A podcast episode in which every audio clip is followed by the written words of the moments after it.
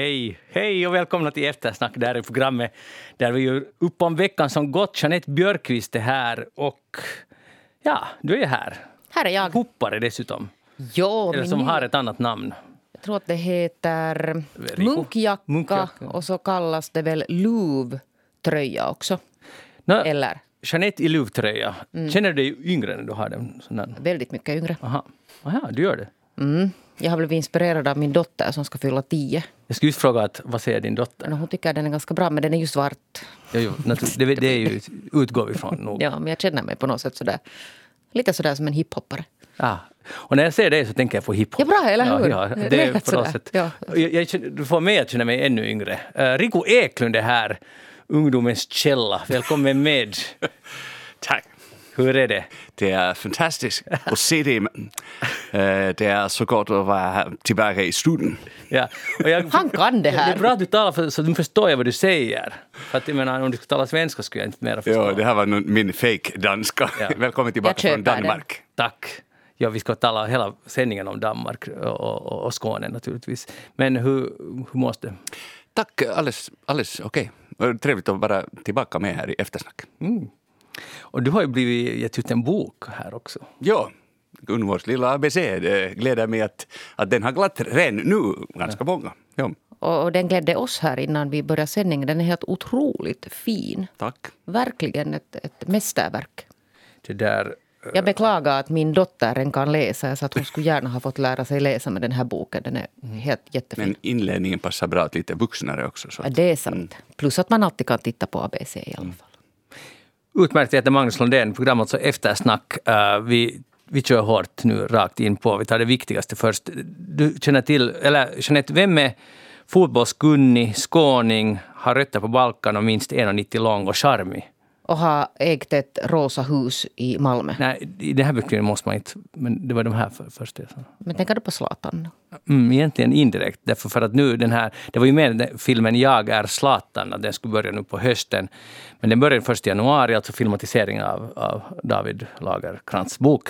Men eh, den började först i januari, men när de sökte en skådespelare, någon som ska spela uh, Zlatan, så då var kraven just det här, fotbollskunnig, skåning, rötter på Balkan, minst 1,90 1,90 lång och charmig dessutom. Fotbollskunnig.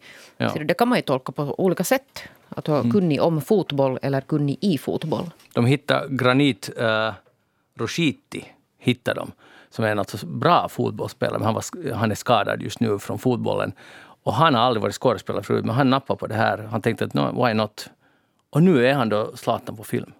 Mm, man skulle ju gärna säga Zlatan själv där, men jag förstår att man måste hitta någon skådespelare. Ja, så du alla kan inte bli så där unga som du i ett, i ett nafs. Ja, ja, ja, på det sättet. Ja, för Mm, Han ska vara Zlatan som tonåring. Och, står, ja. tänker du gå på den här filmen?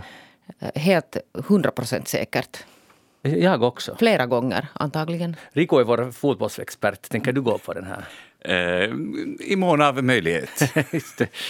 Men det, det Men om det, om det kommer en film om. Tim Sparv så då går jag gärna på den. Aha, varför, varför det? Jag, jag är ett Tim Sparv-fan. Aha. Ja. Fotbollsfan eller hans kulturengagemang? Eh, Den här kombinationen. Jag är också alltså Tim Sparv-fan. Det ena utesluter inte det andra. Man kan dyrka Zlatan och tycka om Tim Sparv samtidigt. Jag tycker nog Tim Sparv verkar betydligt mer sympatisk än Zlatan. Nej, du har missförstått Zlatan. Han är missförstådd. Aha, på vilket sätt? Nej, men han är säkert inuti en sån här känslig, lite missförstådd pojke. Ja. Och grym. Men nåja, äh, det var... Grym på, på det här svenska sättet, Ja. inte grym på Nej, nej, finlandssvenska jag sättet. menar grym alltså. Så cool, jättebra. Ja, precis. Det där, nå, en annan, jag vill bara, jag hade några så här hälsningar från eh, Sverige. Det var det ena. Och det andra som alla tidningar skriver om i Sverige är Magnus Uggla som nu ger ut en, en roman som heter Johnny the Fucker. Och det, där, och det är då hänvisar till hans egen melodilåt som hette Johnny the Rocker men ibland också Johnny the Fucker. Och den här boken handlar om en jappe som heter Magnus Uggla. Ah, Ja, och det är en, en satirisk roman om, om musikbranschen. Och i alla, eller inte alla, men de flesta tidningar var, hade man Magnus Ugglas face på paraden. Och till exempel här i Coupé, som är SJs tidning, här ser ni Magnus Uggla. Och jag, blev så, jag har inte så stark relation till Magnus Uggla, men alla i Sverige tycks ha. Vad är Magnus Uggla för Riku? Också säga att ingenting. Nej, det är inte ingenting. Alltså, eh, musik som låter ganska lika, tycker jag alltid. Eh, som ironiserar, som eh, li, lite sån här clown på sätt och vis, som kritiserar både liksom lite maktstrukturer och också kändisvärlden och sånt. På ett sånt här, Alltså de låtarna är ju lite som såna här slagdängor egentligen, fast de nu är lite tuffare på ett sätt. Men, Mm. Men lite nu så jag, att- men inte jag är något stort Magnus Uggla-fan eller sådär. Men, men ändå, han har ju funnits med så länge så att det är svårt att, har varit svårt att under mitt 56-åriga liv att undgå honom. Mm. Men eh, lite så här också att, att han hörde 90-talet till, känner jag. Ja. Men jag förstår att han, han lever vidare. aktivt. Absolut lever vidare. Och jag fick lite, alltså, eftersom jag inte är insatt och det här är hemskt för alla Magnus Uggla-fans, men alltså, han, han, han hade då släppt en skiva och var på turné som gick helt åt fanders. Jag tror att det här var alltså, det här är jättelänge sedan, någon gång 70-talet kanske. Nu är jag nu inte helt säker på det där, men i alla fall. Det spelar inte så stor roll. Och sen sa, sa de alla att han, han måste gå med i Melodifestivalen. Och han var nej, aldrig i livet, det är bara dåliga schlagers där. Det här är alltså länge sedan. Så gick han ändå för att han var så i, liksom i knipa helt enkelt. Och så gjorde han, då deltog han med en låt som hette Johnny the Rocker. Och, det där, och den blev sist. Och han blev utbuad. Och det här vände de till en styrka, för sen började den att sälja på något sätt för att den blev utbuad. Och sen på singeln satt de en ett klistermärke på, sist i Melodifestivalen. Och där, resten är historia. Han, allting vände. Och det här måste jag, vad än han har gjort så hyllar jag honom för det här. Och också hans bok handlar om just den här incidenten. Jag hoppas den handlar om något annat också, annars Ja. kan det vara lite långtråkigt och utdraget. Nej, det är fint att svänga ett nederlag liksom till en vinst. Ja, har du någonsin gjort det? Uh, no, kanske i stunden nog, ja. Alltså, kanske mer så här i en diskussion där jag har blivit fimpad så kanske jag har någon gång lyckats eh, vara slagfärdig och, och vända det till en seger. Ja. Att du först blir du fimpad och så vinner du till en seger att du blev fimpad eller har du bara lyckats övertyga motståndaren? Nej, inte övertygad, utan liksom känna så att jag ändå går ut med segern eller vad heter det? Ja, går ut med segern. Det Har finns ett- känslan varit ömsesidig månne då? Ja, jag skulle Det är jag inte säker på. Men det där- Båda gick segrande ur leken. ja, jag tror det. Jag tror det ja. Mycket bra. Jeanette då? Nederlag till, till, till, till vinst. Ja, det har jag säkert gjort, men fråga inte vad, för att jag har ju minne då som en guldfisk. Inte kan jag, eller kanske inte, inte så där att jag skulle nog på riktigt kunna säga någonting. Nej. Okej. För jag kommer inte heller rakt på, men jag, jag tycker det är nog en fin förmåga. Alltså, det, ju, det handlar ju mycket också om att se möjligheten. Alltså helt på riktigt, att inte bara blir där allting gick åt fanders. Jo, jag tror att jag har nog mera sån läggning att jag lägger mig sen och kastar mig på marken och rullar in och fjädrar och kära. Förlust är, en förlust är en förlust och du ska lida för det. Okej. Men det kanske du borde läsa den här boken då? Du ska få den av mig. Va- Vad snällt. Ja. Johnny the fucker kommer snart till din postlåda. Härligt. Jag har Ja. blivit överöst med böcker. Ja. Underbart. Hej, eh, vi ska tala allvarliga saker. Den här eh, domen har getts i Forsbyfallet. De här ja, grövsta fallet av mobbning man någonsin har hört om ungefär. Eh, Det är beyond. Jo, jo, jag vet. Jag vet. De döms för mord, alla tre. Mellan 8 och 9 års fängelse. De kommer inte att sitta så länge i och med att de är 16-åriga nu. De var kanske 15-16 när det här skedde. Det där, har, ni någon, har du följt med det här, Jeanette? Ja, jag har följt med det och, mm, och det där... Det är ju säkert en helt väl underbyggd dom. Jag har inte hunnit läsa domen själv så jag kan inte nu på, kommentera de här juridiska sakerna. Men, men det vad jag nu har läst om det... mm, Alltså, det är ju skillnad då på dråp och mord i juridiken. Ja. Uh, mord är betydligt ovanligare eh, i rättssammanhang. För att det kräver då en eftertanke och en planering och på något sätt en medvetenhet. Medan dråp, alltså ganska många saker går som dråp. Det betyder att man liksom handlar i stunden. Stunden men också, Ja. också sånt som, som nog kan, kan tyckas vara lite mer alltså genomtänkt har gått som dråp. Så det är ju en, det är ett jättehårt straff det här, att bli dömd för mord. Ja, faktiskt. Hårt och ovanligt. Jag tror inte det skulle bli så, för att mord kräver... Alltså det här är ju nu, vi är ju som alla förstår in, ju, nu kommer här dubbel, juridiska experter på det här, men, men att, eh, att man... Att det liksom, mord är ju då faktiskt som ni sa, det är planerat. Att, att nu ska vi mörda den här killen. Alltså det, det, det är som du säger, ett ganska strängt straff. Mm, men om man har läst in sig på de här detaljerna i det här. Så det, jo, jo, jag menar inte det är fel, rätt, jag tog inte ställning till det, utan jag menar bara att det betyder att det, de har valt från den strängare skalan, verkligen. Det där, ska man ha åsikter om vad domstolar... Som, kan man ha åsikter om, om sådana här straff? Vad är nu vad står, står det i proportion till brottet? Och, för det är ju klart att om man har mördat en person så är det, tycker jag att nio år är ganska lite sen å andra sidan. Men var det nu så, om inte jag miss, nu får någon juridisk expert korrigera mig, men man kan, de var alltså för att de var så unga så kan man inte till exempel ge ett livstidsstraff åt dem. Nej, de kommer inte att sitta heller så här Nej. länge. Kommer ni ihåg, alltså hur gamla var de nu? Alltså de som Nu är de dömda? 16, det vet jag. Just det, ja. ja. Så de var alltså då 15, 14, 15 alltså. Eller Hur länge sedan är det? Nej, det, är nog, det var mindre än ett år sedan. Det. Men hur som så är de minderåriga. Ja, så 15 att få, ja. För att i regel tror jag nog att den här maxstraffet, för, det är ju livstid för, för mord, kan vara alltså det här maxstraffet. Men, men det ger man då inte åt, åt minderåriga. Mm. Rico, brukar du ha åsikter om, om straff?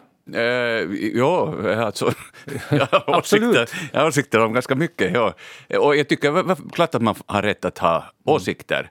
Eh, sen tycker jag också att det är förstås domstolens sak att överväga. Och, och, det de, och sen är det bra i det här systemet, sen kan man gå då till till högre instans och, och då till högsta, vad heter det, högsta förvaltningsdomstolen eh, som högsta, om man får rätt då att överklaga.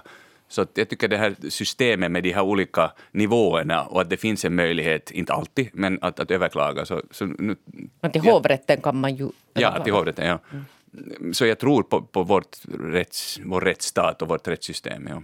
Men, Men nu kan ni ha åsikter om, om man kan tycka, och förstås, det är lätt att ha åsikter när man inte är så insatt, att sen när man sätter sig in djupare i ett fall så då kanske man märker att oj, jo, och så borde man då ha hela den där expertisen sen när man riktigt börjar läsa in sig på något. Och det kan gälla vad som helst, inte bara, inte bara alltså, det här fallet. Men när man läser vad det fallet så det, den här känslan av hopplöshet blir ju ganska stor nog. Att det är så många saker igen, precis som den här fallet som du Jeanette var, följde jättemycket med. Vad hette hon, flickan som blev fastbunden? Vilja Erika. Ja. Och Vilja Erika för att hon hade två olika namn hos, i olika hem alltså. Aha. Okej. Eh, det alltså, att, att sånt här faktiskt händer. Att det här sånt sker också. Att, att de har, allt de har hittat på och torterat den här, sin så kallade kompis under så lång tid. Och det, det, det, det, det här kan ske och det, det finns inte något system för att någon skulle ingripa. För att det bara I veckan kom ju också beslut om att man inte kommer att åtala de här myndigheterna, barnskyddet och sådana som har varit inblandade. Jag tror att skolan var också under diskussion där, men det beslöt man att man inte åtalar. Det gjorde man ju i fallet med Vilja Erika, så åtalades också eh, socialarbetarna Ja. och andra sådana myndighetspersoner. Tror du att vi kan lära oss något av det här? Är det här liksom som samhälle att okej, nu, nu förstår vi att så här, det här måste vi liksom ingripa i tidigare? Vi Alltså måste, det kan man ju hoppas på. Eh, Men vem kan vi lära oss? Vem lär oss? ja, det är det med, Så vem lär sig? eh, man tänker det här Vilja Erika-fallet, så det gjordes extrema mängder åtgärder. Det fanns arbetsgrupper och det skrevs listor. Och det diskuterades om det här att hur myndigheterna måste kunna samarbeta på ett annat sätt och dela information och sånt här för att sånt här aldrig mer ska kunna hända. Eh, sen har jag förstått att verkligheten blev inte riktigt så. Att det är fortfarande så här. För det, det är ju viktigt till exempel att skola, polis, barnskydd, sånt här att de utbyter information och samarbetar. Eh, men sen när det gäller det här så jag hoppas ju verkligen att vi, varenda en av oss, eh, lär oss det här att, att man måste ingripa i tid. en lärdom skulle kunna vara att insikten att sånt här faktiskt händer på riktigt. Att, jag menar, det, det är ju extremt ovanligt, men det händer. Alltså, för, jag, för mig är det helt liksom fortfarande obegripligt. Näst, eller det är obegripligt, därför för man har inte någon erfarenhet av så här brutala saker. Mm, Kom ihåg att för, för det, talas, det finns alltså redan lågstadiebarn som slår på varandra. Och, och, och sen i viss grad kan det finnas någon sån här, sån här vilja att avfärda det som att pojkar är pojkar. Och pojkar umgås på något sätt på ett annat sätt än till exempel flickor. Att man puffar varandra och man, man håller på så Det är här. brutalare. Ja. Ja. Jag Men, kommer- men och, och, sådana här saker kan eskalera. Att, att det räcker att, att det finns en pojke som blir puffad och inte vågar säga att han tycker att det är ganska otrevligt. Att, att man, man ska inte se mellan fingrarna på sådana saker heller. Och sen förstås om man har möjlighet att hitta varför puffar den där pojken. Som, alltså det finns ju oftast någon orsak till att den människan kanske inte mår så bra. Och att man kan stödja den som är den där som, som går till attack så att säga. Att det, det är något där som inte är riktigt okej. Okay. Jag kommer ihåg faktiskt nu, nu jag har glömt bort det, alltså när jag gick i, det hette då barnträdgården, alltså dagis, så fick jag en gång, det var en kille som, och nu kommer jag inte ihåg vad han hette, som slängde en sten på mig. Alltså som jag fick precis bredvid ögat, så att jag svimmade. Och, och skulle den ha kommit kanske i ögat så kanske det skulle gått riktigt illa, alltså att jag skulle, jag vet inte, mista synen, men jag minns det där, uh, det där liksom hur, så att jag blev, sätt efteråt så tyckte jag det var trevligt för jag blev så ompysslad sen av alla. uh, men, men jag undrar just att, att tog, det är han som kastade, alltså, det här som jag nu pratade just här innan, alltså, att tog man hand om honom, alltså tog man eh, varför, varför, varför, varför kastade han sten? Alltså, vad, vad, vad, det, det, vad fick honom att göra det? Mm. Det måste ta reda på. Ja, det är ganska länge sedan, 50 år sedan. Sen får vi väl understryka att det är inte, att det är inte bara skolan nu som ska som ska på något sätt, att, att det är allas vårt ansvar att ingripa. Mm. Men det är klart, att, att, vilka, men, om det här är ju en, en extrem form då av mobbning, eller, men att mobbning, det har varit mycket diskussion kring det här nu senaste veckorna. Och, och, och talas om mobbningsfri skola och, och mobbningsfri miljö. Det, det, finns ju inte något sånt. Alltså det finns i människans natur, också vuxna, mycket, att mobba varandra på olika sätt. Så att man måste på något sätt acceptera det, att det finns men att liksom just att ta i det genast när, när man ser det och märker det och känner det själv. Och, och den som mobbar har ju kanske den som har svårast att, att gripa tag i det utan, utan det är alla andra som borde vakna. Jo, och det finns, krävs, krävs ju ganska så att säga, mycket av den, och det borde man ju kunna kräva, men av sig själv om man är den som håller på. Det må sen vara hurdan mobbning som helst, fysisk eller psykisk, men att, att kunna liksom konfrontera sig själv. Att, varför håller jag på med det här? För det är det största steget. men det liksom, förutsätter självinsikt också jo, om att man jag gör vet, det. Men det är just det jag menar, det är det svåraste säkert här. Men därför, det här är ju, alltså, alltså det här är ju så extremt fall som vi startar från, så där är det liksom helt klart. Men, men det finns ju olika fall av mobbning där, som, där mobbaren inte förstår att det är mobbning, alltså mm. där man inte fattar själv. Och jag har också funderat på det flera gånger i, just i liksom första åren i skolan, där det fanns personer som helt klart tycker jag var mobbade, liksom utanför, alltså inte sådär fysiskt mobbade, men, men liksom att de fick inte komma med. Och, och, och jag tänker att jag har säkert själv varit med och, och bidragit till det där. Och, och ja. Så det är, inte, det är inte alltid som... Inte tänkte jag då på det. Och det är förstås det är så länge sedan så då, då var mobbning på det sättet kanske en diskussion som man förde så mycket. Att det var inte, låg inte liksom mm på tapeten på, på Jag skulle tro att, att, att barn, är ju, barn är ju precis som alla andra människor till sin kategori. Alltså man är ju flockdjur så man vill ju höra till. Så där finns ju säkert också något visst mått av desperation. Att om du är den som får vara med så hänger du kvar sådär som en någon överlevnadsinstinkt att bara du själv hålls med. Mm. Så det krävs ju nog till exempel av ett barn då ganska stor kraft att vara den som som tar steget åt sidan och försöker göra någonting för den som har blivit lämnad utanför. Ja, för det är en grym risk för en själv också. Ja. Om man, om man säger så. Ja. Det är ju det. I längden kan det vara ganska belönande för många, men att det är ju det. Och var går gränsen med det där? Jag tänker också, för att jag minns också själv det att jag har gjort det att jag var den här så att säga skvallerbytta bingbong, liksom den här som springer till läraren och, och, och så att säga anger. Och det är ju på sätt och vis, alltså gäller det mobbning så är det ju helt rätt alltså att man gör det.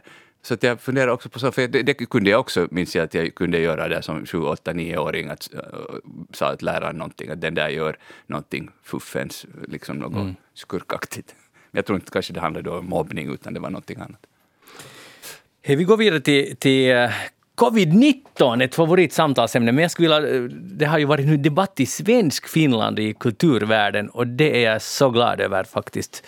För att uh, det är roligt med, med folk som lite debatterar. Uh, nu slopas ju tvåmetersregeln från jo, imorgon. hurra! Ja, ja. Det är fantastiska det är fan nyheter. Ja. Visst.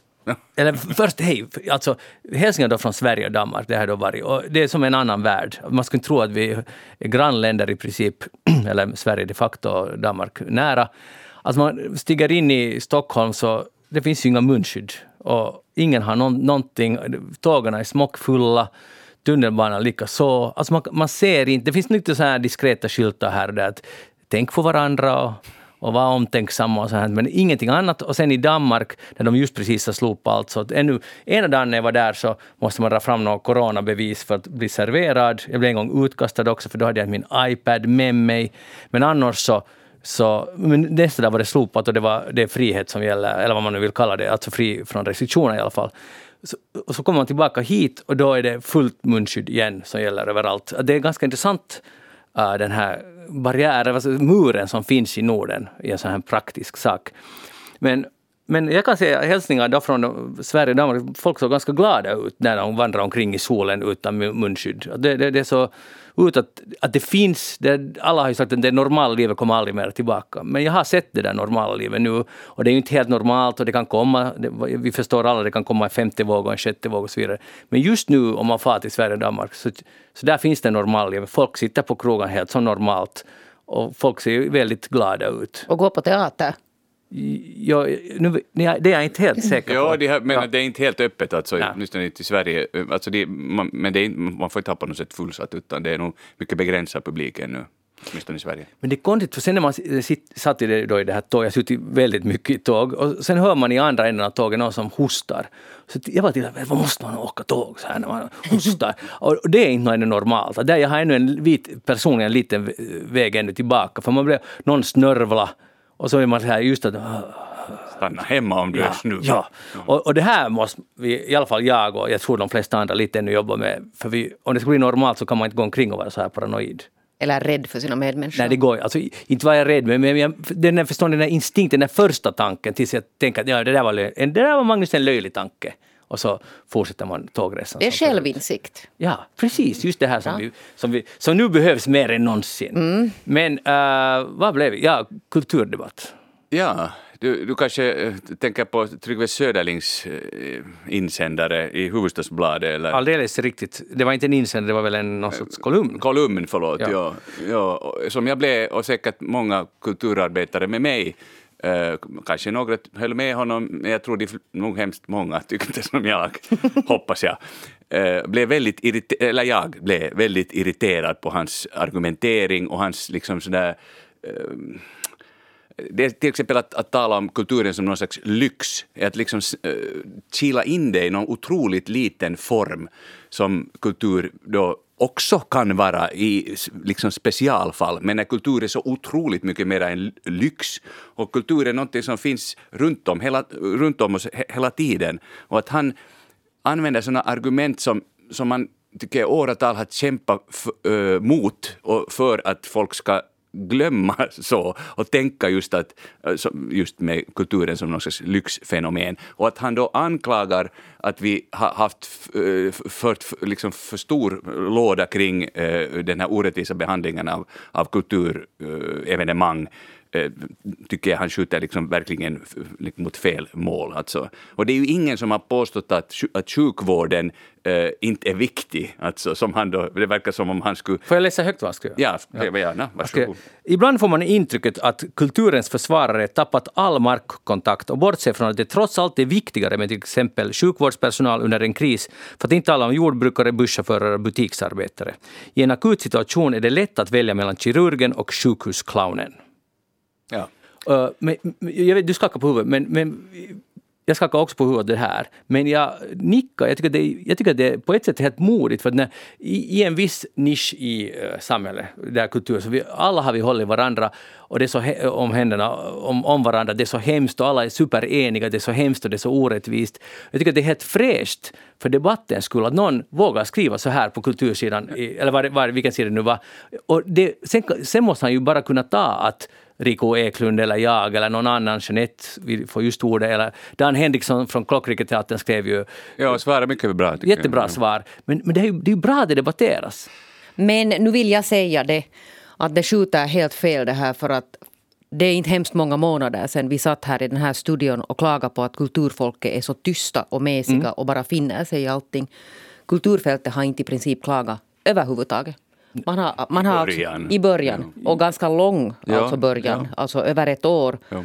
Man stängde sina teatrar. Man Man var jätteduktig. var jätteduktig, jättetysta. Alltså jag var ju, tror jag, att i något skede var jag mera upprörd över, över den här nedstängningen än vad kulturfolket själva blev. Sen började man vakna, alltså kanske någon gång i våras. För att då började det bli uppenbart att här är Men kan det ha varit strategifel att ni, att ni, eller ni, var för snälla i början och fann er liksom och nu ska vi, nu ska vi försöka uppfylla alla krav och kriterier. Och man ska vara jättekritiska från början. Nej, men, nej, jag tycker inte att det är ett strategifel. Det är klart att när det kommer en pandemi och ingen vet vad, vad som sker och alla är lika så här så tycker jag det är helt rätt att följa de direktiv som kommer och att försöka göra det bästa för att smittan inte ska spridas. Och inom kulturfältet har man ju varit otroligt noga och också då när det öppnade för några månader under, med stränga restriktioner förra hösten så fungerade det jättebra. Och det var ingen smittspridning vad jag har hört hittills eh, under de här evenemangen som då, så att det, som, som då fanns. Att det är konstigt att man inte då på, på våren igen kunde öppna upp lite utan att totalstängning samtidigt, det har vi sagt nu förut men jag säger det igen, alltså samtidigt, eh, eh, jag var till exempel på på så en föreställning alldeles nyligen nu på, på Helsingin Kaupunginteater, Helsingfors stadsteater, och där var alltså var tre platser tomma mellan liksom, personerna och, och i den där salen som rymmer något 900 så var vi kanske 150 eller någonting sånt. Och så stiger jag på spårvagnen som är proppfull. Alla står fast i varandra. Alltså vad är det, vad är det går du för på krog samma kväll. Ja, så Är det, vad är det för logik? Det är ingen logik alltså. Så det, nu har det varit otroligt orättvist behandlat. Och det är där som jag tycker att att även om säkert hade funnits några argument där man har liksom eh, skrikit för högt eller, eller vad han skrev, Tryggve Söderling, eh, använt liksom för stora ord. Jag kan inte leva utan konst. Men visst finns det en massa människor som på riktigt upplever att de inte kan leva utan konst och kultur. Och det, det är väldigt många tror jag. Jo, men han menar ju så här, han tog det liksom krasst att, att man, man kan inte dö rent konkret av kulturbrist, Jo, men man men- kan dö i en sjukdom. Ja, men alltså nu för tillfället så stämmer ju inte ens det där. Det, det, det är information från då när vi inte visste någonting om den här Ja. covid-19. Så det skjuter helt fel och det är otroligt populistiskt alltid att ställa sådana här saker. Det är som den här min tidigare VD Henka Johansson alltid sa att, att jämföra äppel och päron. Så det är lite det som händer här nu. Jo, så ger man liksom argument åt de som i många år, eller många tiotals eller kanske hundratals år har kritiserat kulturen för att vara just någon slags lyx och vi behöver inte stödja det för det. Och så går han liksom att ja, det är lyx. Så ger han liksom, Men nu måste han ju få tycka det. No, han får, och jag får tycka att han har fel. Absolut. Ja. Jag menar, jag menar att, att, att jag tycker att du blir upprörd på att hur kan han säga så? Det är han rockar, nu var hans år. Jag tycker, jag tycker att det är det som är fräscht. Jag tycker, håller inte alls med honom. Jag tycker att det, jag tycker att det är liksom svagt argumenterat att han tar att tusen människor eh, har inte lyxen att, att vara med om kultur. Det, dör, det har inte dött mera människor under den här tiden det är i ett Finland. fritt land, man får tycka vad man Ja. vill tills vidare. Men är det, är det inte ändå helt fräscht med att dis diskutera? Nå, jo, I princip, jo. Men, men, inte när det gäller kulturen. vad, vad menar du? Nej, nej. Men det har ju Rico aldrig Jag tyckte sagt. bara att argumenten var så dåliga att det liksom att de kunde han ha sparat för sig själv. Ja. Ja. Nå, sen var det, handlar det om att, att kulturen ska inte behöva motivera sig eller ta sig nyliberal, nyliberala argument som att det eh, sysselsätter si och så många personer. Det här kritiken blir lite diffus för mig för att eh, är, är det liksom dåligt att säga det? Att, att, att vi sysselsätter, att det är så så många som jobbar inom kulturen. Men han tycker att det är då för att det på något sätt klingar nyliberalt. Jag förstår inte. Nej, jag förstår inte heller. Jag tycker det är, helt, det, är, det är klart att all kultur eh, eh, ska inte måste producera och, och eh, liksom gå så att säga på plus. Det måste finnas sån form av kultur där man är nyskapande, där man upptäcker nya saker, ser saker i, och livet oss själva i nya dagar, utforskar liksom nya områden. Eh, Men inte det är ju illa att man lyfter fram det och visar att det finns jättemycket kultur som faktiskt också bidrar till att samhället fungerar, alltså också ekonomiskt. Och som eh, ger mycket arbete och som också ger pengar, genererar pengar. Inte är det nu något fel i det? Nej, jag tror att, ja, men jag tror att man använder det här argumentet för att tala så att säga mottagarens språk. Att det är det här, det här argument som man trodde att det skulle gå hem. Och titta nu att så här många människor jobbar inom kultur och, och, och det är så mycket pengar som är involverat, så tänkte man att det skulle kanske gå hem hos regeringen eller hos någon annan som fattar beslut. Jag tror att det var, det var mycket det, men hans argumentation här nu, att, att kulturen kan inte motiveras med de här argumenten. Att då, blir man, då är det nyliberalt. Men jag, jag tror att det var helt bra, men det funkar ju inte. Uh, inga argument gick ju hem och det går fortfarande inte. No, nu, no, nu har det lite börjat. Nu eh, försvinner tvåmetersregeln så att nu kanske det börjar ordna sig. Jeanette, är kulturen lyx? Säg bara Nej. kort. Va, vad är det då? Kultur är allt. Jättemycket saker som vi har omkring oss. Mm. Det är litteratur, det är musik. Eh, Om man säger att kultur är lyx, så då vet jag inte vad är det för slags kultur man tänker på då. Jag vet inte. Men i alla fall, jag vidhåller att jag tycker bara, alltså jag håller med om, jag tycker det är lite fräscht med lite debatt. Och det är helt bra att också inifrån, och det är ju det som alla blir så tokiga på, som Dan Henriksson kallar honom för en del av den finlandssvenska intelligensen. Jag vet inte hur många personer, en handfull som hör till dem. Det ska sist ju bli invald i den gruppen. liksom att nu har vi omröstning och någon, någon gång kallar mig något sånt så oj, oj, det blir stort. Men i alla fall, att, att, att det, det, det är därför det blir så, Rico blir så upprörd. Det är ju det. För att jag inte hör till den finlandssvenska Ja, du är bara. Jag avundsjuk. Men vem är det som, har val, vem är det som väljer medlemmar? Det är inte så att man Jag kan, vet. jag, jag utser nu Rico som en del av det här. Skulle, jag tror inte riktigt Rico är... Nej, jag- jag blir också avundsjuk om Rico Det finns ingen officiell ordförande så vi kan väl sådär, och finlandssvenskarna och finlandssvenskarnas vägnar. Jag inte det. han som har utsagt sig för att Nej, nej det, är, det- är det faktiskt Nej. inte. Det är Dan Henriksson som har kallat honom det. Ja, Dan kan ju avgöra att Nu visst, blir vi- hör, nu blir- visst hör Rico Eklund till den här. Ja, vi, man borde avsätta... Nu blir, nu blir det lite för finlandssvenskt. Vi måste gå vidare. Jeanette Björkqvist, vad har du tänkt på den här Nu veckan? vet du, jag har tänkt på den här ABBA som plötsligt ska komma och göra någon sån här comeback. Och jag har alltså ingen passion för ABBA egentligen. Jag tycker att jag, jag, jag ska kunna leva resten av mitt liv med det här vad de gjorde då, när de var stora. Det är bara en lyx det de gjorde, inte något mer än det. Nå, men det där jag förstår ju att det här är, äh, väcker mycket passioner hos andra. Men det som jag sen däremot blev intresserad av när jag såg den här nyheten igår var den här Avatar eller Abbatar som de kallar det. att de ska göra någon slags sån här världsturné fast de ska ändå inte göra det utan de har låtit återskapa. Där har varit alltså inblandade en massa, alltså bland annat någon Star Wars Ja. sådana här kreatörer. För att skapa alltså bilder av sig själva som de såg ut 1979 som åker ut på turné. Och det blev jag sen lite upprörd över. Blev du upprörd? Jo, nu kan jag ju förstå kanske att, att de inte orkar, de är väl över 70-75 år gamla vad de är, att de inte orkar åka på, på turné. Men så att varför måste man återskapa sig som man var 1979? Det, är, det kan vara att det handlar om pengar. Ja, men det är klart att det handlar om pengar och, det där, och om att de inte orkar säkert åka på, på världsturné. Men på något sätt blev jag... Och sen dessutom, nu vet jag inte, jag tittar nu inte på riktigt allt som kom om den här. Det var ju stor, stor världsnyhet. Men Kom ju en såg ny man... låt också. Två nya. Flera. Ja, det är två? Aha, jag hörde ena Men, bara. men såg man någonstans eh, den här Agneta och Frida? Jo, jo, i den här En, videon... en flimra förbi alltså Nej, snabbt, nej. så som de såg ut. Nej, I den här videon så är det en massa klipp från forna tider. Och Sen ska Jag jag, forna tiden, men jag talar om nutid. jo, jo, och den nutiden är just. Jag, jag skulle påstå, för man ser de här handrörelserna, det är så här avatar. Det kan inte vara de, de själva. Nej, det har gjort det avancerad, avancerad teknik där de alltså har filmat, Ja. stått på scenen och filmat. Men jag talar om det att, att varför kan man inte visa dem så som de ser ut nu? Men jag, den bilden jag såg, så där hade de just i Avatar de här eh, så att säga, kropparna och sen huvudena var från idag. Alltså. Som man skulle anta att det är på riktigt från idag. Ja, så såg de ut. De såg ganska gamla ut. Ja. Ja. Och Jo, det, är inte, det, det är inte de är som åker på Rico. turné utan det har de själva sagt att det ska Ja, återskapas. men jag skulle säga det här med att, att de inte orkar. Nu, nu skulle de säkert orka åka på turné. Jag tror inte att de inte vill åka på turné tillsammans. Jag tror det är snarare det. Och, och med att det handlar om pengar så Kanske, ja säkert, men jag tror att de har alla tillräckligt pengar. Så Men det var de- det jag tänkte så också. Nej. tror jag nu att grundorsaken är det att de vill ha mera pengar, utan de, säkert med lite påtryckning, men sen har de tyckt att det här är nu ändå en rolig grej att göra så här.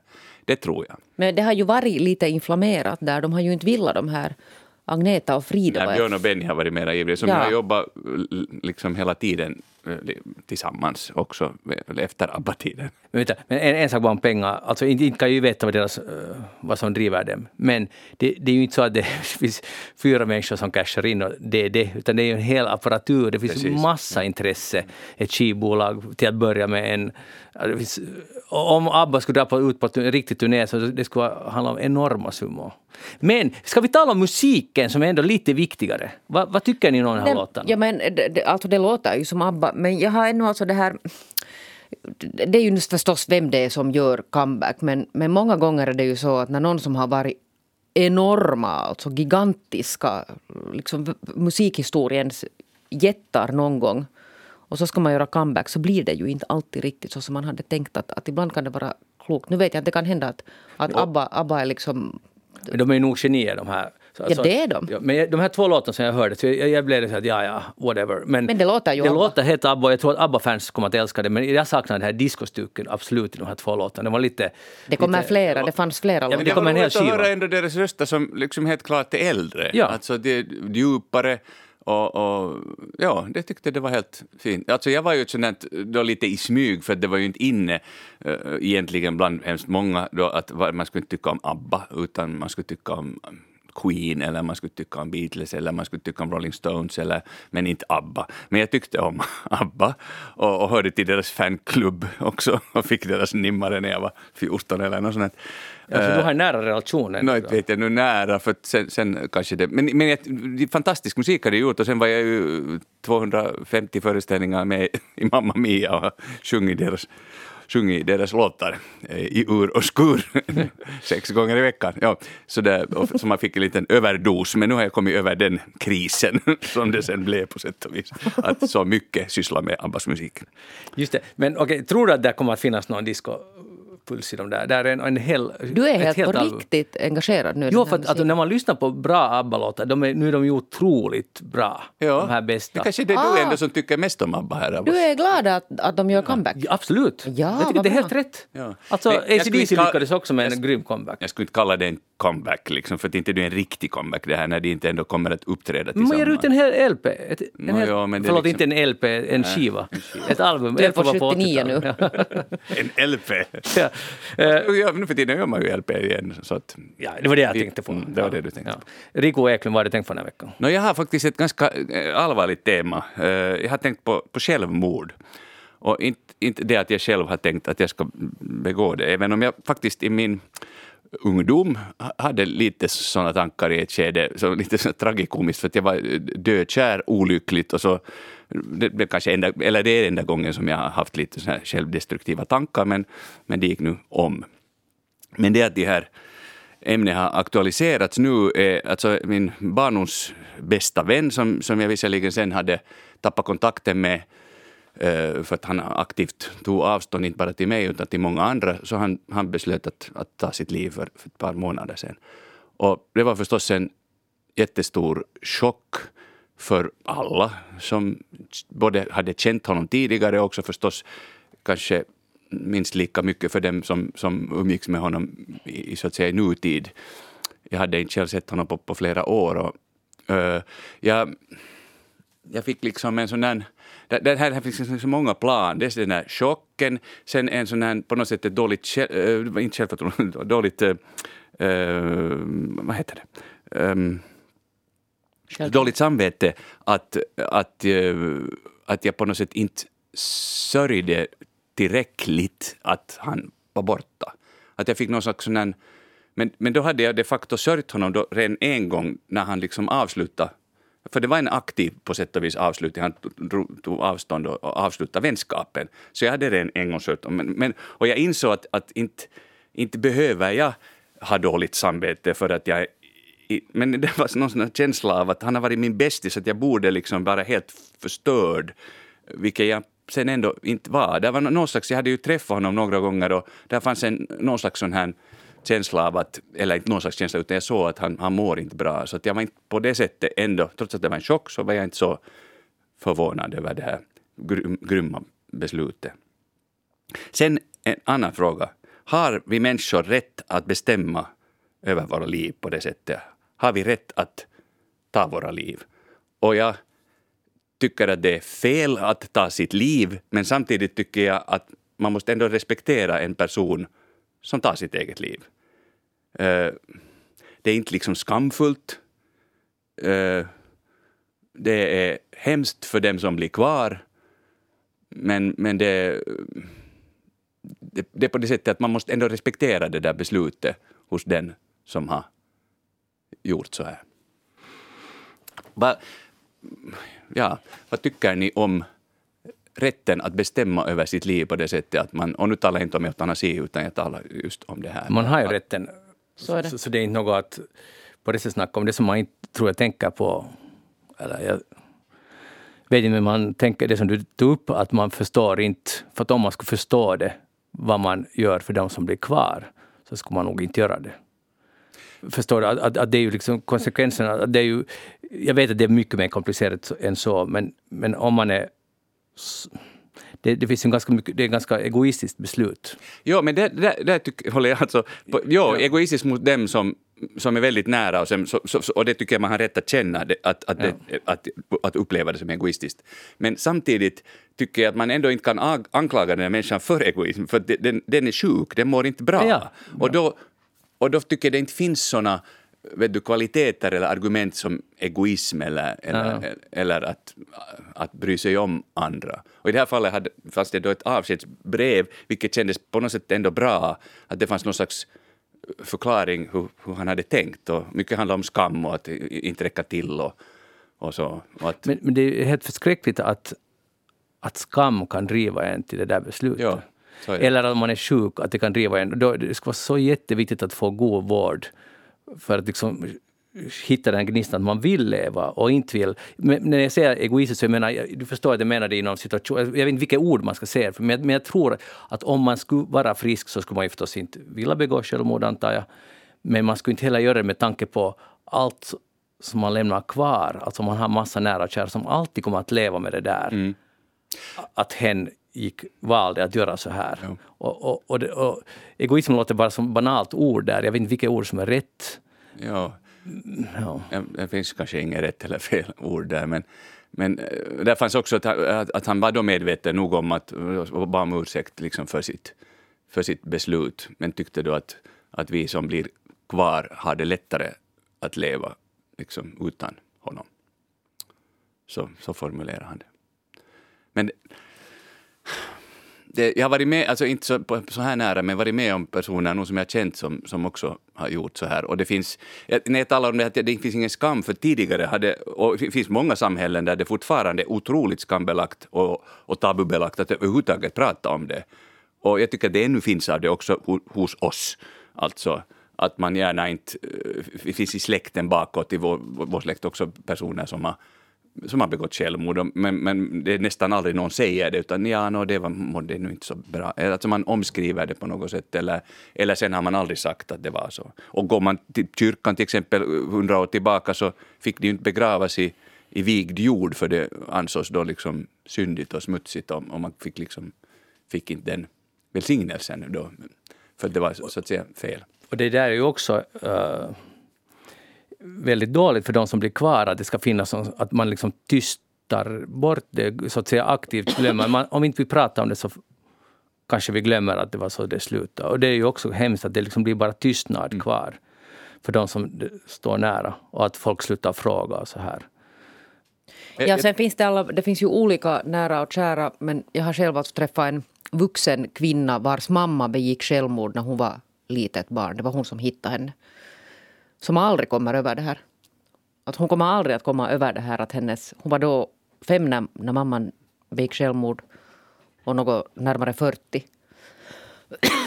och det på något sätt är alltid med henne det här att borde hon ha gjort och, och då var det, hade det varit uppenbart att mamman inte mådde bra. Och ett litet barn som tror att det är hennes ansvar. Att hela tiden vakta att mamma inte går till exempel och dränker sig. Och sen bär man med sig hela det här då att, att, att man är moderslös. Eller liksom föräldralös. Och, och min förälder valde döden framom att vara med mig. Och det är sånt som, som nog lämnar livslånga spår. Absolut. Det, det här är ju en liksom extrem sorg liksom med att någon som begår självmord och att, och man kan inte komma över det. Och man får liksom på något sätt försöka lära sig att leva med den där tanken och att det har gått, att det är så. Uh, och det finns ju, jag menar all form av sorg så, så blir på något sätt kvar som bitar i oss. Och, ja, och sen så, också erkänn, det, eller förstå det att omgivningens kapacitet att förhindra sånt här är begränsad. Mm. Man kan aldrig, alltså om en människa sen kommer till det här beslutet så, så... Men om man är sjuk så där finns den möjligheten. Det är det som jag tror att det... Jag råkar bara... Min kusin begick självmord och, och, och hon var sjuk.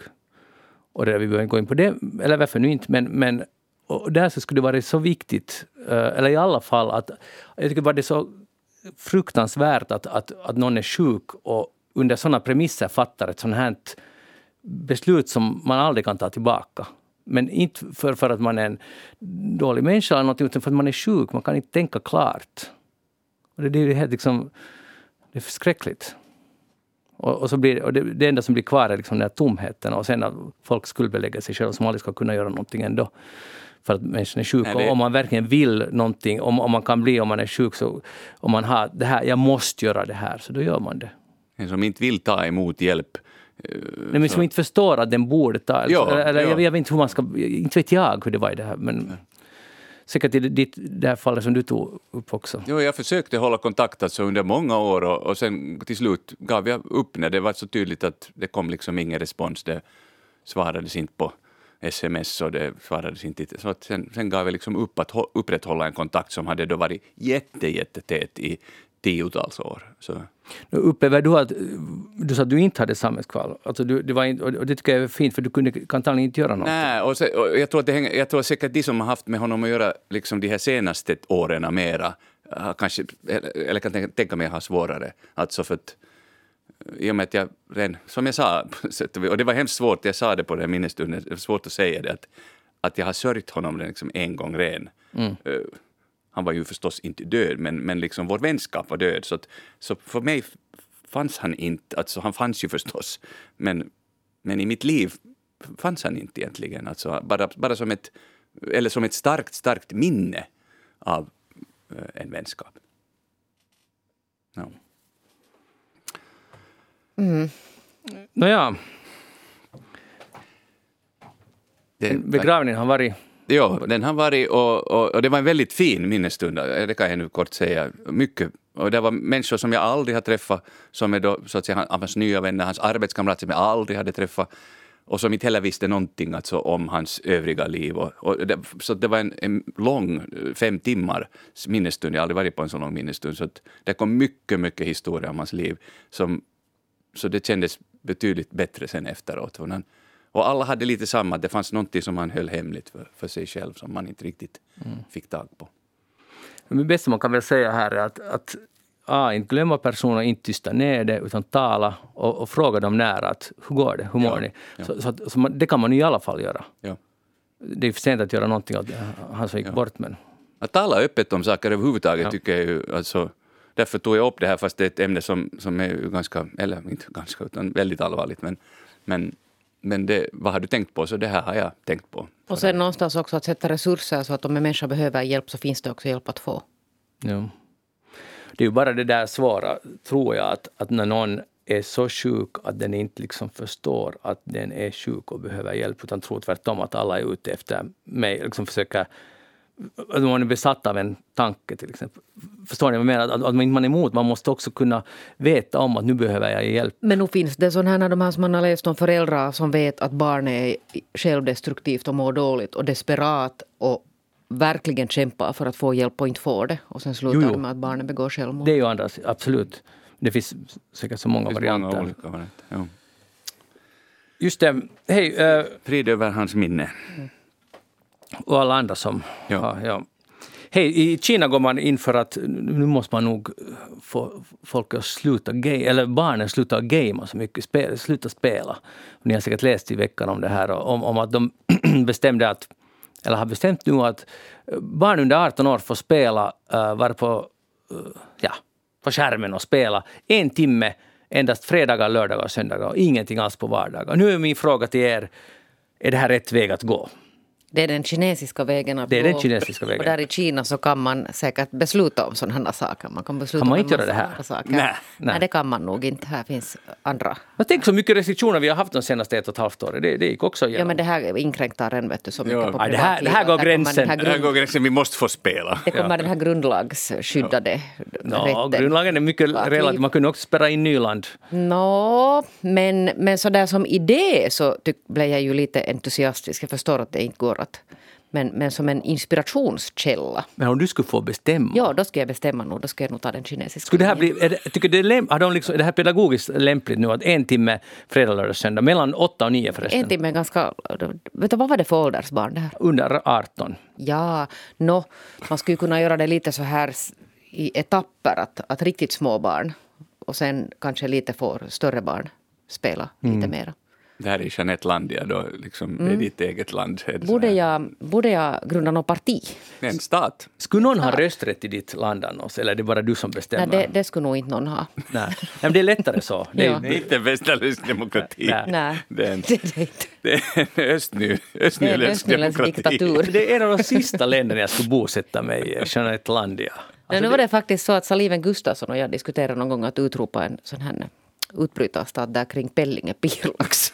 Just det, men det blir snabbt maktkamp sen mellan Pellinge och Pirlax. Nej, nej, tillsammans förstår Ja, men i början är ni i harmoni med sen. Nej, nej, nej, nej Ja, sen blir det är just det blir krig mellan de där Pellinge och Pirlax. Pirlax vill ha egen självständighet. Men jag, jag hör ju alltså, men jag hör ju till de här stofilerna som anser att barn spelar för mycket och jag förstår att det finns mycket bra saker. Utvecklar Ja, jätteduktigt. men Mischa är inte här, du behöver inte säga det nej, där. men, men förstår ni, nej, för att jag hör redan hur det liksom porlar där ute Ja, det, i, ja. i, i stugorna. Det är inte det. Men när barn sitter fyra, fem timmar per dag så, så är jag av den åsikten att det är inte hälsosamt. Och dessutom har jag läst den här Ilta-Sanomat har gjort en förtjänstfull artikelserie den här veckan där de har granskat den finska skolan och låtit lärarna komma till tal som problem. Och lärarna säger samma sak. Att sånt här evigt skärmhängande orsakar ett av många, många problem i, i dagens skola. Mm.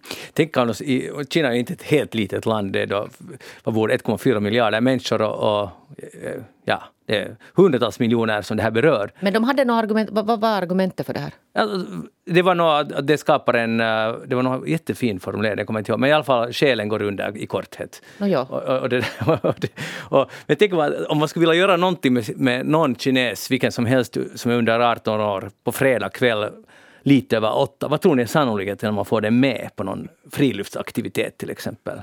Ännu lite, men snart stor. Ja, alltså vi, vi Sen när de slutar spela. Nej men nu, nu må, de Nej, får det, spela. de får spela mellan åtta Ja, och nio. då, ja, nej, nej, då, får man inte. Men man får dem alla andra dagar i veckan. Kan Ja, man eller få de dem sen med ut och springa. Men alltså, jag tycker nog att det är ett jätteintressant experiment. Och, och det, där, det är ju intressant också, många av de här jättarna är ju kine, alltså spel det finns ju massa pengar där och kinesiska staten går mot det här. Och aktierna äh, störtdyker i de här bolagen. Sen det här bara det lilla problemet när det gäller Kina så tänker man att där finns någonting nu som inte sägs ut om det här. Att man kan, Mm. man kan kamouflera det så här välvillig, välvilliga. Men finns där någon sån här agenda ändå som vi nu det, inte klart, riktigt det kommer finns, finns åt? nog säkert någon agenda. Och jag, jag håller nog med om att, att vi kan inte ge- ge- genomföra det här här. Men det är intressant som tanke. Ja. Ja, hej eh, Riku, bra att du är här. För jag, jag var då som jag skröt redan i Sverige och jag köper alltid lite tidningar när det är, för jag, jag älskar det här nischtidningar. Här är nu Stark och frisk hela livet. Heter tidningen Ja, och, och den är Bli vältränad oavsett med kursiv ålder, alltså oavsett. Och det är för män, det är för oss. Och, och det där, och, Det finns en sån tidning. Perfekt anpassad hemmaträning. Bli starkare, snabbare och lev längre. Mer muskler, bröst, armar och mage. Och här står att det är oberoende om du är 22 eller 82, så nu är det dags att komma i form. Nå, och, och så tänkte jag, det här, vitsen, det här är ju just för mig. Och, det där, och, och så, så läste jag, och här står precis för varje decennium hur, vad, vad man ska göra. Och, och goda nyheter när man är, enligt den här tidningen, Mellan 50 och 60? Ja, mellan 50 och 60. Så då är det slut med spegelmuskler. Man behöver liksom inte göra muskler bara för att se bra ut i spegel, utan man måste tänka lite djupare än så. Okej. Och, jag kände, och jag var helt yes, vad bra! Att det, nu är jag inte Jag liksom... skulle vilja ha de där spegelmusklerna. Men du behöver inte. Jag behöver inte. Och, här, Okej, och så tack. tänkte jag, det här är jätte så här, äh, äntligen någonting för folk i min ålder. Och, men sen när jag började titta på de här övningarna, här är extremt stiliga jappar, alltid utan skjorta. Och, det där, och de råkar ha just spegelmuskler och ingen av dem är 50. De är alla 20. i den här jävla tidningen. Och jag vill bara För att visa. den ska sälja. Ja, titta här. Hantlar är allt du behöver. Här är en jappa som... Nu har han stått lite framför spegeln den här killen. Jo. Rico tittar med lång blick. Jag, jag tittar med lång blick. Titta Jag, här. jag, jag kan eh, studera form. den sen efter sändningen. Lite Du, du kan få den. Det, det ser du så, Magnus, jag kan den här för att det här har varit logiken i... Checka så snygg Jasse. Det här har varit logiken bland kvinnor i alla år jag har existerat. Ja. Så nu är det meningen att du ska bli inspirerad. Att om du börjar göra de där så blir du sån där. Du blir så där brun också. Titta där. Bli, bli alltså och så där olj. Ja. Är det sant? Det kommer på köpet. Men jag tror att han är brun Vi ska se hur du, om du sätter igång nu. Ja. Så ska, ja. det där, ska vi titta om tre månader så kommer du in så här. Vi har- För här står, få resultaten på du vill, du vill ha på den tid du har. Så det spelar egentligen inte roll hur mycket tid, man blir ändå... Men nu sätter så- du nästa mål. Du hade det du byggde just ett bord här, nej en stol, vad var det du Ja. byggde? Och lite något annat också. Så nu, där har du nästa. Nästa gång behöver vi en större studio för du Till kommer att vara så stort som ett hus när du kommer in här. ja. Ja, det, det, här, det blir bra. Men tror du Jeanette att, eh, eller vad, vad ska vi säga, så här, vad skulle du säga om det skulle nu visa sig att jag går all in i det här racet? Alltså jag är inte alls förvånad. Jag på något sätt räknar med att det är så som du ska göra. Men så ska jag säga att ta inte hormoner sen. Det är inte bra för dig. No, men, Eller steroider är inte heller bra. jag tror att jag börjar först utan och sen när jag märker att det inte händer något på en månad. Ett lite sen, extra kvarg. Ja, det kan jag göra. Eh, Men Rico, är du intresserad av sån här liksom, Men jag är intresserad av personlig ut- tidningen nog, Ja, det förstår jag. den. Men du ska få... Du ska få här, eh, Rico. Men inte kan du ge bort den. Du ska ju följa de här. Alltså. men Jag, jag kan ta lite bilder och skicka åt dig sen av de där träning- övningarna. Men det där, har du någonsin stått, Rico, framför spegeln och tittat på dina egna muskler? Eh, det har jag nog gjort, ja. Det är inte så mycket att... Men ändå att du lite när, jag var, när jag var yngre så, så Ja. kanske det syntes lite bättre. Så nu har jag nu någon gång, men inte jag är den där som nu... Så, alltså skulle jag ha en uh, snyggare kropp så kanske jag skulle titta på den mera. Mm. Men nej, inte, nej. Har du Jeanette? Jo, Ah, Gör du det fortfarande? Jo, alltså jo. på musklerna? jo, jo. Har du bra muskler? Liksom, är det, Benmusklerna är helt okej men, men den där, mina armmuskler är inte riktigt. Det borde jag träna. aha, okej. Men, är det, stämmer det att när man blir 50 så vill man inte mer kolla i spegeln? Det är ju hur man vill göra. Aha, men i den här tidningen står det inte nödvändigt. Ja, det förstår jag. Och det, där, och det, är- och det är säkert alldeles sant att det verkligen inte är nödvändigt och det är inte kanske alltid så bra heller. Men jag är så inspirerad. Det här blir, det, vi går mot en ny era. Alltså en muskulös snickare, det är vad jag vill bli. Det är du. Och jag, hälften är redan fixat. Ja, så kommer det med såna snickarbyxor vet du, med oljad bar överkropp det är ditåt vi Oj, det går. låter riktigt hett. Ser du? Wow. Magnus. Och Stendi Ja. och Rico är med här och, och, och berömmer mina muskler. Hey, det här blir bra. Jeanette Björkqvist, tack för att du var med idag. Det var härligt på alla sätt. Rico Eklund, tack för att du var med. Tack, tack. Jag heter Magnus von. Eftersnack är tyvärr slut för den här gången, men vi är tillbaka igen om en vecka. Bara Rico ska nu sluta skratta. Vi hörs igen. Ha det bra. Hej då. Hej.